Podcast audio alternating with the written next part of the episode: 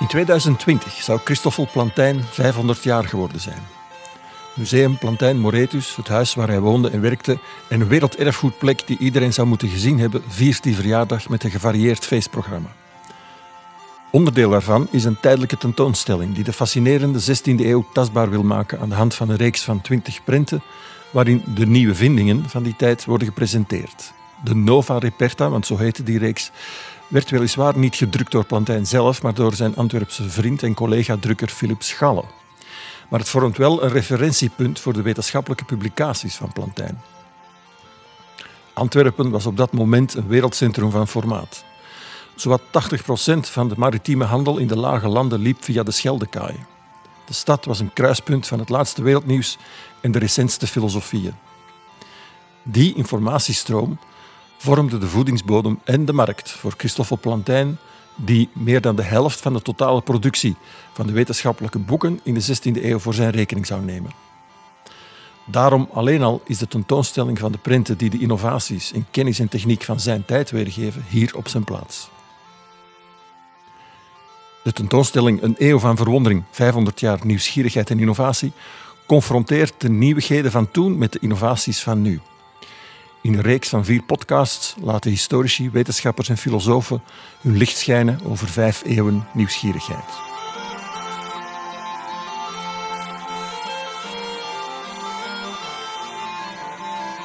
In de eerste aflevering praat ik, Geert Magiels, curator van deze tentoonstelling, met twee historici over het ontstaan van deze wonderlijke reeks prenten en ideeën die achter de beelden schuilgaan. En die zoveel vertellen over toen en over nu. De Nova Reperta de tekenaar, de denkers en de beelden. Ik heb vandaag Manfred Selling bij mij te gast. Hij is kunsthistoricus, professor in de kunstwetenschappen aan de Universiteit van Gent en was jarenlang, tot begin dit jaar zelfs, hoofdconservator van het Koninklijk Museum voor Schone Kunsten in Antwerpen. Hij is uitstekend geplaatst om deze serie prenten van de Nova Reperta uh, te plaatsen in een intellectuele en artistieke uh, context van de tweede helft van de 16e eeuw. Uh, Manfred, kan je iets vertellen over hoe die prenten eigenlijk ontstaan zijn? Die prenten zijn gedrukt, uh, geproduceerd en verspreid vanuit Antwerpen. En Antwerpen was in de tweede helft van de 16e eeuw niet alleen het belangrijkste centrum voor de productie van boeken in Europa prachtige locatie waar we nu zijn, Planta Moretus, was daar natuurlijk het epicentrum van. Uh, maar was ook het belangrijkste centrum voor de productie van grafiek. Uh, van van uh, houtsneden, maar met name van kopergravures. dat is een beetje de context waar deze printen zijn ontstaan, van waaruit ze over heel Europa zijn verspreid. en het hele interessante van deze reeks Nova Reperta is dat dat niet alleen in Antwerpen is ontstaan, maar dat dat eigenlijk een co-productie is geweest tussen twee intellectuele, spannende intellectuele en culturele centra. Antwerpen in het noordwesten van Europa en dan uh, die befaamde stad Florence uh, in Italië. En uh, want de, de, man die de prenten getekend heeft was oorspronkelijk een bruggeling, ja, Jan van der Straat, Stradanus. En die zat in dat Florence waar je het net over had. Hoe kwam hij daar terecht en wat deed hij daar? Ja, uh, nog steeds hebben veel mensen het idee dat, dat kunstenaars vrij lokaal waren, eigenlijk niet onder de kerktoren vandaan kwamen, maar dat was al sinds de 15e eeuw niet meer zo. Kunstenaars reisden.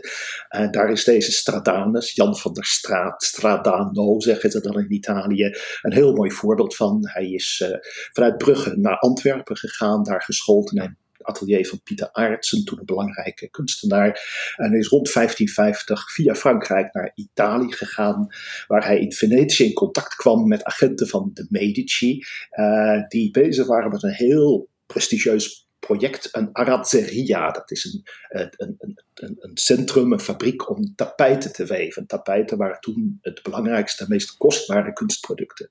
En die waren altijd op zoek naar uh, kunstenaars die ontwerpen konden leveren voor tapijten. En zo is hij vanuit Venetië terechtgekomen in Florence. Uh, Florence, wat toch het brede publiek, zeker in onze contraille, denk dan aan de 15e eeuw, maar Florence in de tweede helft van de 16e eeuw was evenzeer, of misschien zelfs nog meer, uh, een intellectueel, uh, wetenschappelijk, cultureel en politiek centrum. Dus hij trekt naar uh, Florence en wordt daar in het atelier van Vasari, dus zeg maar de, de, de, de, hofkunstenaar, de belangrijkste kunstenaar in Florence, uh, gaat hij werken, maakt tapijtontwerpen, gaat daarna ook fresco's maken en ontwikkelt zich heel opmerkelijk tot een van de belangrijkste kunstenaars in Florence in de tweede helft van de 16e eeuw. Wordt ook heel oud, deze Stradamus. Uh, hij is in 1523 geboren en hij sterft in 1605 als een beroemd kunstenaar uh, in uh, in, in, in Florence. Maar hij blijft altijd contacten houden uh, met de streek waar hij vandaan komt. Hij signeert ook heel vaak met Johannes Stratanus Flandriensis, of zelfs wel de Brugniensis. Dus hij laat echt, het zijn de Latijnse uitgangen voor uh, Vlaanderen afkomstig, Brug afkomstig.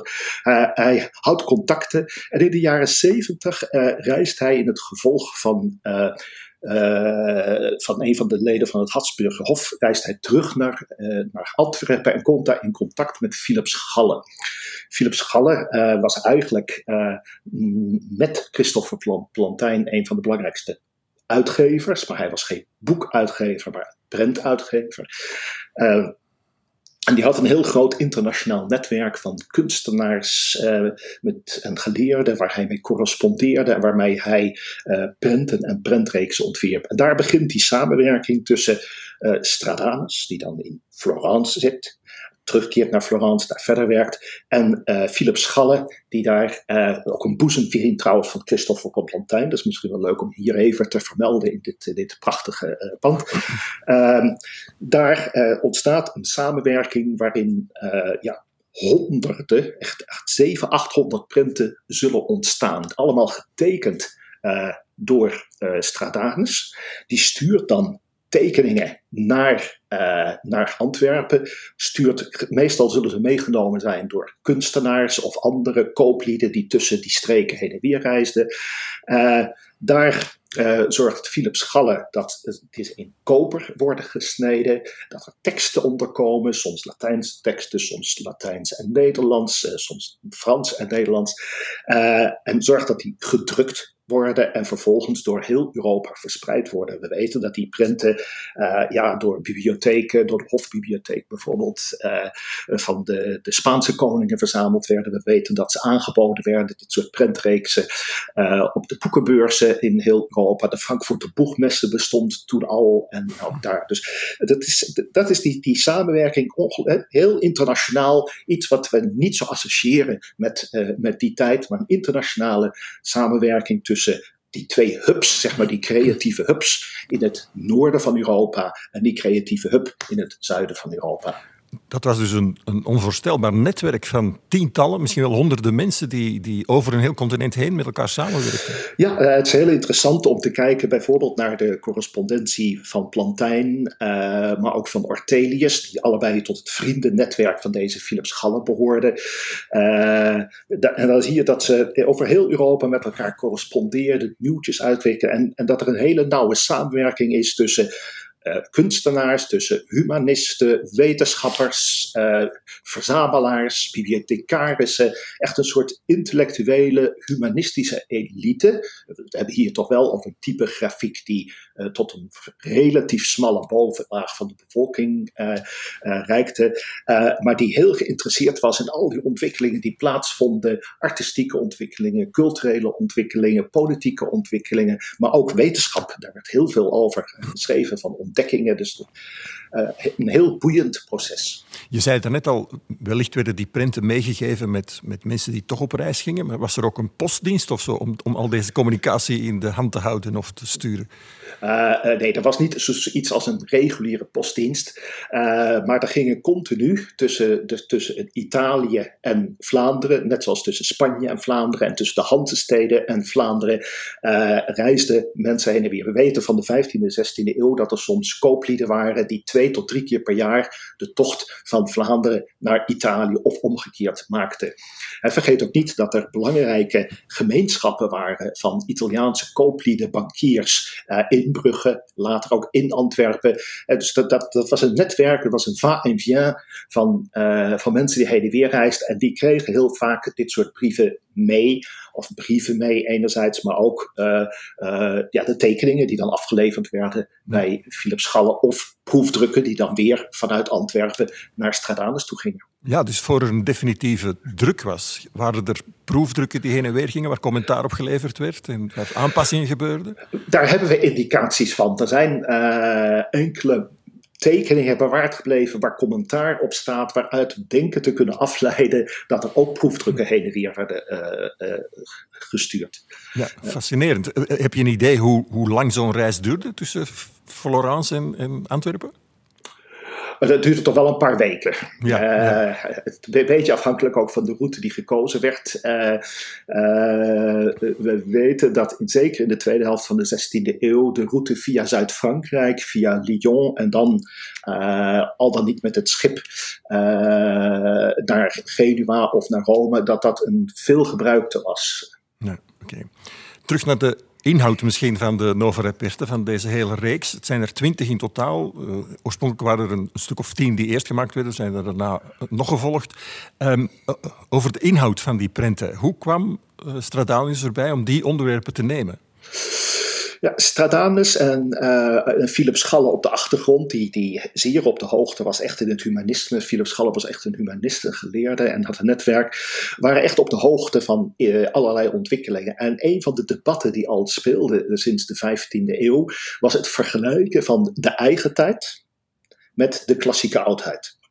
En dat gebeurde op allerlei vlakken. Uh, dat gebeurde op het gebied van literatuur bijvoorbeeld. Uh, uh, er was ook een, een, een, een, reeks printen in de Max over de goddelijke komedie van Dante. En er was aan het einde van de 16e eeuw een, een groot debat over of Dante nu op dezelfde hoogte stond als de grote klassieke auteurs.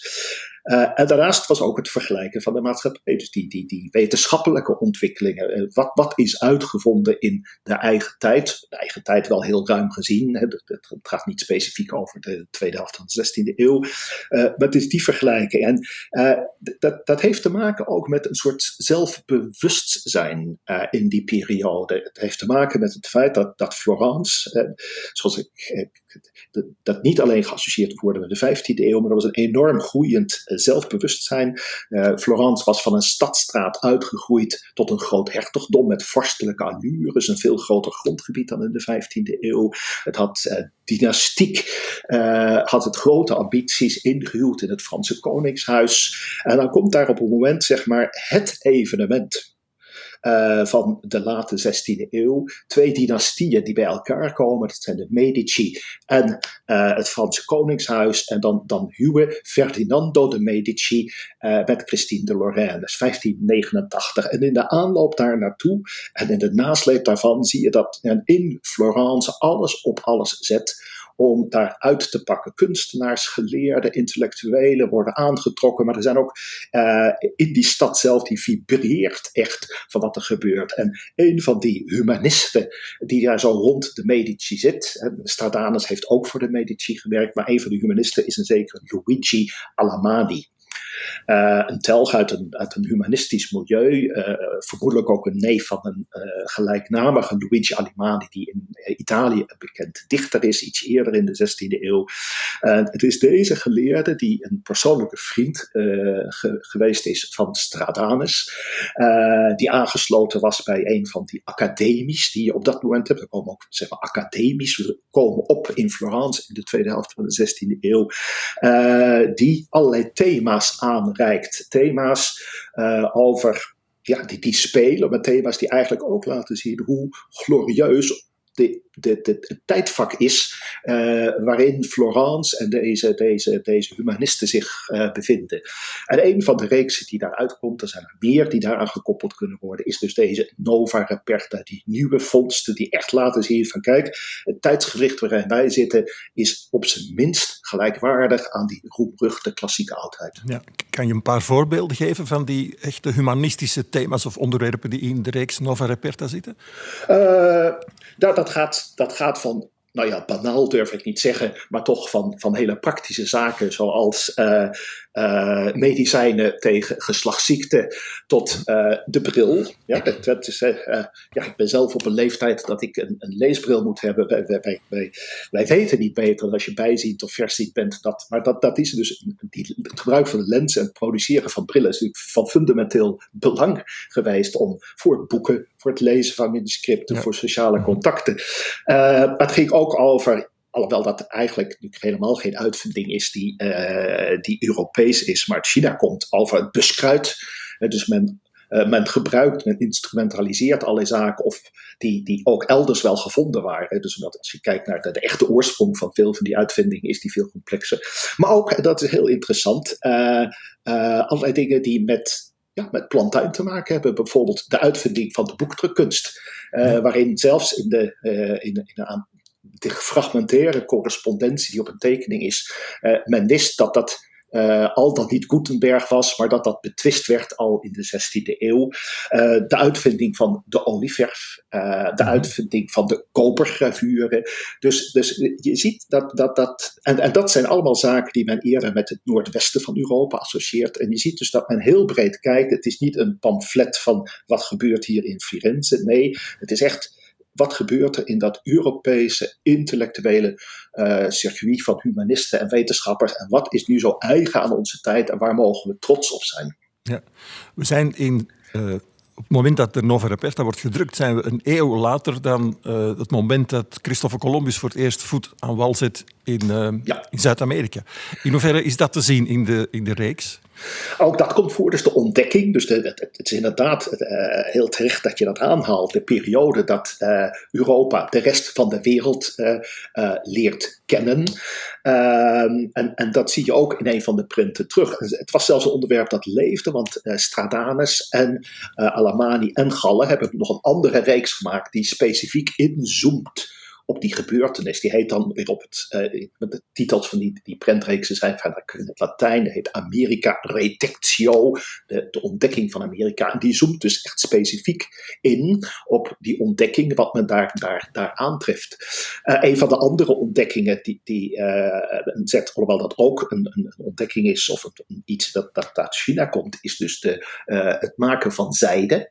Mm -hmm. de zijderups, hoe men dat gebruikt. Ook dat claimt men als het ware. En daar is ook dan weer een aparte printreeks van gemaakt. Die heet dan Vermis Sericus. Dus de, uh, maar, en, en, dat dat iets is dat niet alleen leefde bij Alamani, die, die reeks Vermis Sericus, die, die, die, productie van zijde, is dan weer gebaseerd op een fresco-reeks waaraan Stradanus heeft meegewerkt in het Palazzo Vecchio 30 jaar eerder. Dus je ziet dat dat een thema is dat, dat niet zomaar opeens uit de lucht komt met bezig zijn met uh, wat tekent onze eigen tijd, maar ook, ja, laten we een beetje propaganda hè, van uh, hoe groot zijn wij, hoe belangrijk zijn wij. Uh, ik moest vandaag ook even denken aan, aan, aan, aan Trump, die pro, continu vertelt hoe groot Amerika is. je moet die race ook wel een beetje in die context zien. Ja, dus men schept er ook een beetje op met dingen die eigenlijk niet van hen waren, maar waar ze wel mee uitpakten. Ja, of men wist op dat moment wellicht ook niet meer precies hoe dat uh, tot, tot in Europa, hè, dus dat eurocentrische, wat ons de rest van de wereld wordt verweten, was ook toen echt wel uh, aan, aan, aanwezig. Ja. Wat kunnen wij ons voorstellen bij hoe die reeks printen gebruikt werd in de, in de praktijk? Iemand kocht dat en lag dat dan op tafel? Werd erover gepraat? Uh... Uh, ja, zeker. Uh, als je dan, ik, het, het, niet als namesdropping, maar als je nou naar een van de grote humanisten uit de 16e eeuw gaat kijken, Erasmus, die heeft convivia beschreven. Dus dat, het, het, het humanisten, geleerden, zeg maar, de intellectuele bovenlaag die om tafel zit en met elkaar praat over wat leeft. En dat kunnen ethische kwesties zijn, maar praat ook over kunstwerken. En we weten uit die uh, beschrijvingen uh, van Erasmus dat men ook naar kunstvoorwerpen en naar prenten en, en boeken gebruikte. Uh, dus zo'n convivium, zo'n samen zijn. convivium heeft een, een intellectueel samen zijn, maar tegelijkertijd ook een samen zijn van vrienden, gelijkgezinten. Uh, daar gingen zeker ook uh, prenten rond. En uh, daar werd over gesproken, werd over gediscussieerd. we kunnen het ons niet, niet, zo goed voorstellen, maar beeldmateriaal was veel minder pregnant aanwezig. Wij zijn zo gewend aan visuele prikkels, uh, van, van, van je smartphone tot de, de, de computer, uh, de televisie, laptops. Uh, overal zijn, zijn schermen aanwezig en is beeldmateriaal. Maar dat visuele prikkels van beeldmateriaal waren toen minder wijd verspreid. En met de ontdekking in de 15e eeuw van de, de boekkunst en de printkunst werd niet alleen de inhoud vermenigvuldigd met de boekkunst, maar ook dat beeldmateriaal. Dus die, die printen waren echt uh, vrij essentieel. En daar had je eigenlijk heel grofweg, dat is echt een beetje een simplificatie, twee soorten. Zeg maar wat je noemt de centsprint, de volksgrafiek, die heel goedkoop was en heel wijd verspreid is. Je ziet dat ook wel eens van die schilderijen, op dat je op de muren allerlei printen ziet in, uh, in, in herbergen of in, ook in eenvoudig. Dat, dat was zeer wijd verspreid. Tegelijkertijd had je ook het, zeg maar, het, het meer humanistische intellectuele. En dat is het circuit waar, waar In zit. Uh, vaak in co-productie met uh, Plantijn, maar ook met, met Jan Moretus later. Uh, producties die verspreid werden onder zeg maar, voornamelijk de stedelijke elite. De prelaten, de, de hooggeschoolde ambachtslieden, de kooplieden, de, de, wetenschappers. Dat was een relatief brede toplaag, geletterde toplaag, zeg, zeg, maar de upper middle class, als je er dan toch ergens een label op, uh, op wilt plakken. En het is dat circuit waar dit soort printen circuleren. En we weten, uh, ook dankzij veel onderzoek dat gebeurd is naar de, de archieven van, van Plantijn Moretus, dat dit soort printen en geïllustreerde boeken in, in, niet alleen in honderdtallen, maar met herdrukken en het, later het opwerken van platen, dus nog eens uitschrapen om, van de lijnen om het nog maar een keer af te kunnen rikken, dat er tot duizenden verspreid zijn van dit soort printen. Dus enerzijds een culturele, intellectuele bovenlaag, zeker, maar heel wijd verspreid uh, in heel Europa voornamelijk in de stedelijke milieus een mooi idee om mee te stoppen, want dit leidt ons eigenlijk natuurlijk naar het begin van een beeldcultuur die we, waar we nu nog altijd de gevolgen van zien op, op internet en overal op straat en op televisie en op schermen. Uh, Manfred, hartelijk dank voor deze uitleg bij de Nova Reperta. Graag gedaan.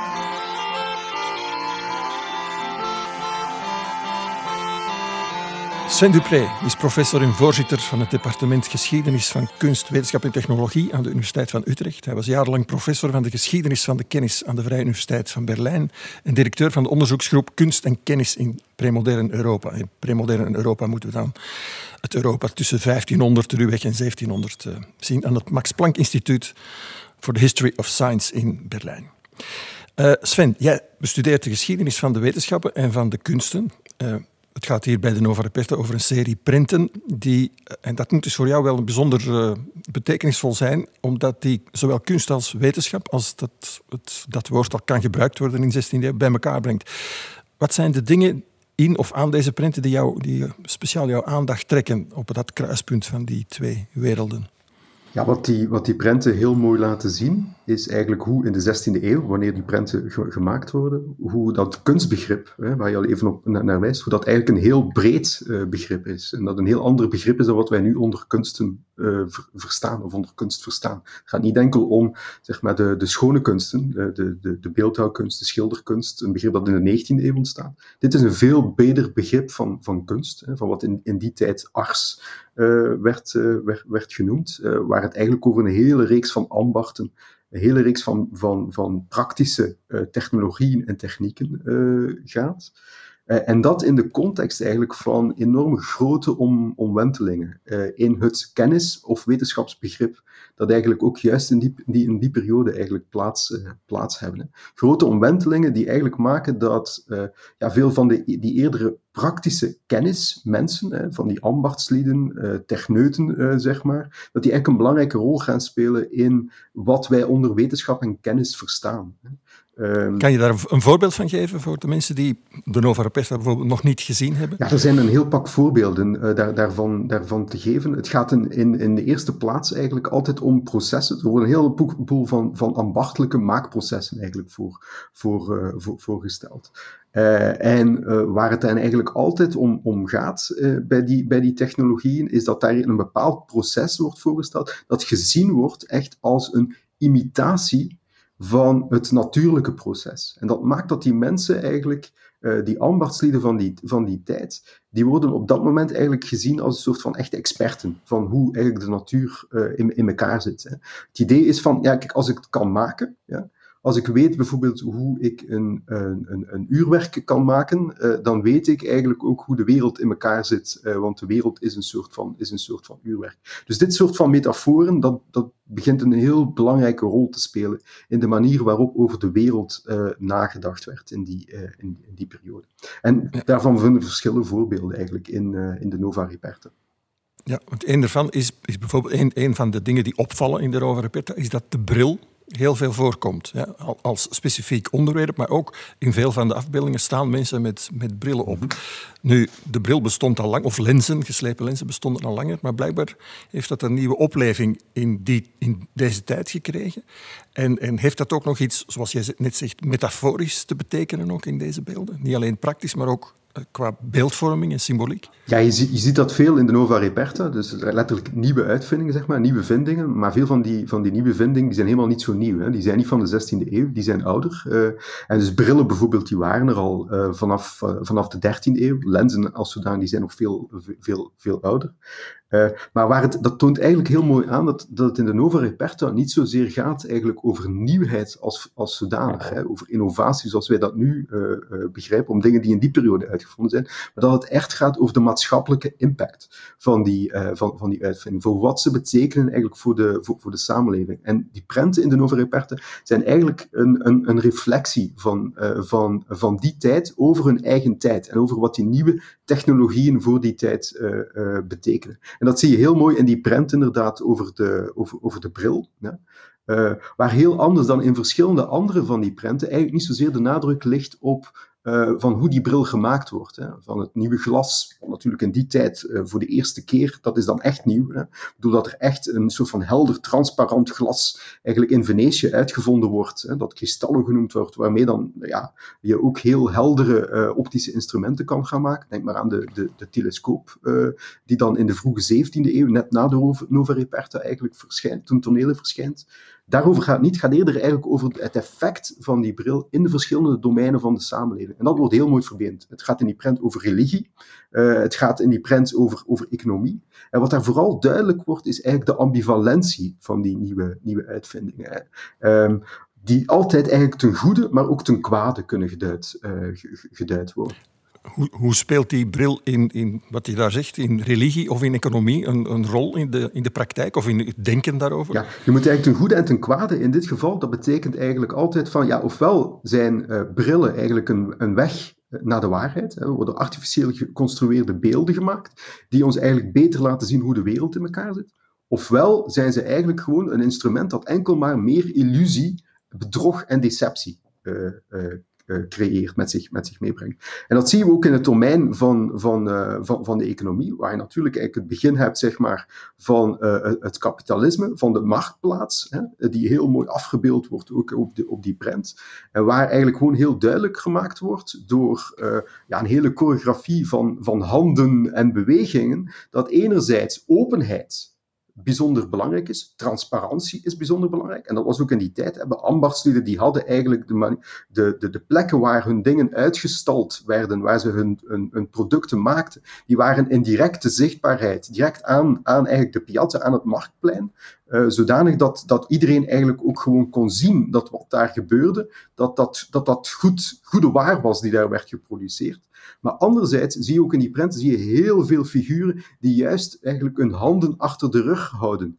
Uh, en dat toont er eigenlijk op van, ja, let op, ik bedoel, uh, hier wordt iets achter, hier wordt iets achter uh, gehouden. En is eigenlijk ook tegelijkertijd die deceptie en die illusie, die is er eigenlijk, het bedrog is er eigenlijk ook overal. Dat is ook voor onze tijd, denk ik, uh, zijn allemaal zaken die, die bijzonder her herkenbaar zijn. En eigenlijk nodigen die prenten van de Nova Reperta, en dan misschien nog het meest van al die prenten eigenlijk over de, de, de bril hè, als, als nieuwe uitvinding, die nodigen eigenlijk uit voor uh, de mensen die die prenten bekijken, uh, om daarover te reflecteren, over die, over die processen. En daar het gesprek over, over aan te gaan. Ja, want het is bijna vergelijkbaar met de discussie die we nu hebben over, laat, laat zeggen, het, het, internet. Het maakt heel veel kennis toegankelijk, maar er is ook heel veel vertekening en heel veel selectie en heel veel in eigen bubbels kijken en niet meer naar de rest kijken. Een vertekening van de werkelijkheid.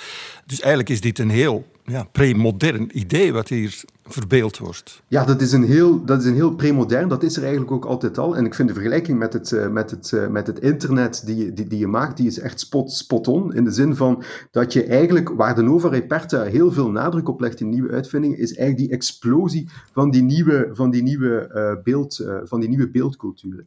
En wij klagen nu inderdaad over ja, dat dubbele daaraan. Van enerzijds krijgen we veel meer toegang tot, tot kennis. Beelden zijn overal, maar anderzijds ja, zijn zij ook de directe bron eigenlijk van, van misleiding, uh, van, van, van bedrog uh, en, en, en dergelijke meer.